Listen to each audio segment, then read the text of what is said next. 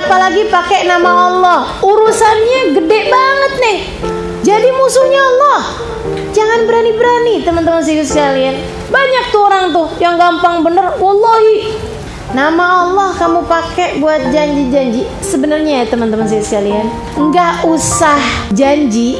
Kalau kamu tipenya orang yang menjaga amanat, nggak pakai janji kamu akan jaga amanat. Dan kalau kamu bukan orang yang bisa jaga amanat, orang walaupun dengar kamu udah berjanji pakai nama Allah sampai berbusa sekalipun orang tetap aja nggak percaya. Makanya saya sekalian, jangan gampang janji. Imam Syafi'i mengatakan, "Ma halaftu billahi qat." Seumur hidup saya nggak pernah sumpah dengan nama Allah. Janji pakai nama Allah, sumpah pakai nama Allah nggak pernah. Kenapa gitu Imam Syafi'i? Siapa saya? Sampai pakai nama Allah biar orang percaya sama saya. Sampai harus pakai nama Allah biar orang mau pegang ucapan saya. Saya nggak sebegitunya penting.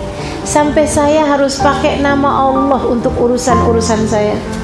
Kita nggak pantas nggak pantas sebagai hamba sumpah apalagi pakai nama Allah subhanahu wa ta'ala kita musuhan kata Allah kamu pakai namaku untuk langgar kita musuhan fix kita musuhan deal musuhan di akhirat.